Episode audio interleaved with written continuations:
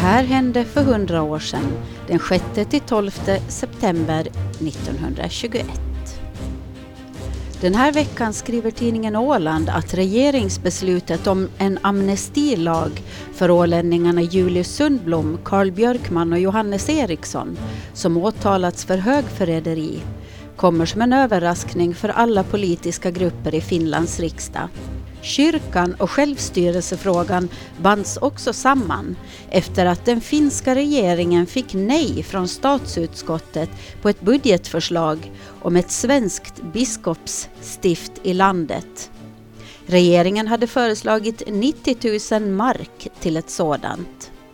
Tidningen Ålands skribent menar att även om Finlands ekonomi är ansträngd är det inte den verkliga orsaken till att förslaget inte ens klarade utskottsbehandlingen.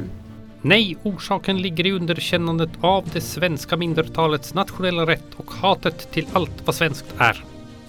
Beslutet att i budgetförslaget stryka anslaget för ett svenskt stift låter den finska välviljan framstå i blixtljus. Ålandsfrågan är avgjord och nu kan den finska majoriteten hänsynslöst trampa på den svenska befolkningens rätt under fötterna.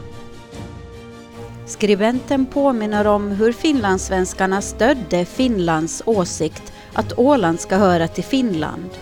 Det minsta tillmötesgående den finska majoriteten bort visa finlandssvenskarna skulle varit ett godkännande av kravet på ett eget svenskt biskopsstift. Skribenten menar att man även på finskt håll insett nyttan med ett eget svenskt stift. Det skulle gynna de kyrkliga intressena utan att skada någon. Men det svenska i landet måste åter få en påminnelse om vem som makten haver och vem som utövar husbondeväldet i landet Finland. Tidningen Åland refererar till Nya Dagligt Allehanda, en tidning som gavs ut i Sverige 1859 till 1944. Det handlar åter om högförräderimålet mot Julius Sundblom, Carl Björkman och Johannes Eriksson. I den svenska tidningen framför man att man från svensk sida måste protestera mot att målet mot ålänningarna ska handla om brott.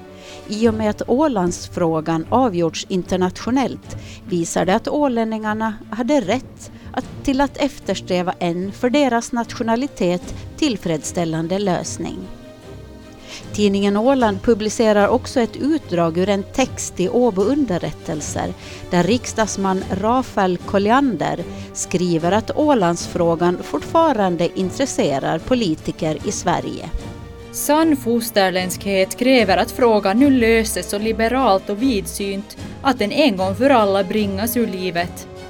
Huruvida man på finskt håll skall ha förmåga av en sådan självövervinnelse återstår att se. Gärna hoppas man det och därvid gäller att åtgärderna borde utsträckas till hela Svenskfinland, ty annars återstår ett problem olöst som för framtiden kommer att vålla stora svårigheter och mycken ömsesidig bitterhet. Åbo underrättelser skriver att det uppstått en ny konflikt i Ålandsfrågan. Det berör neutraliseringen av Åland. Sverige anser att det finländska förslaget inte innebär full neutralisering. Finland vill nämligen få uttrycklig rätt att i händelse av ett anfallskrig fritt få förfoga över ögruppen för sitt försvar. Finland vill också att det endast är Finland som ska se till att neutraliteten inte kränks. Endast om uppgiften blir övermäktig ska signitärmakterna, det vill säga de som undertecknat Ålandsprotokollet, få hjälpa till. Åbo underrättelser anser att de svenska tankegångarna inte är riktiga eftersom Finland uttryckligen fått suveränitet över ögruppen. Finland har som känt en rätt avsevärd militärstyrka till sitt förfogande och skall otvivelaktigt vara i stånd att gentemot en rätt stark fiende försvara detta så lätt försvarade område. Skribenten tycker också att det är absurt att Finland inte skulle få använda sig av Ålandsöarna för sitt försvar om en fiendemakt anfaller.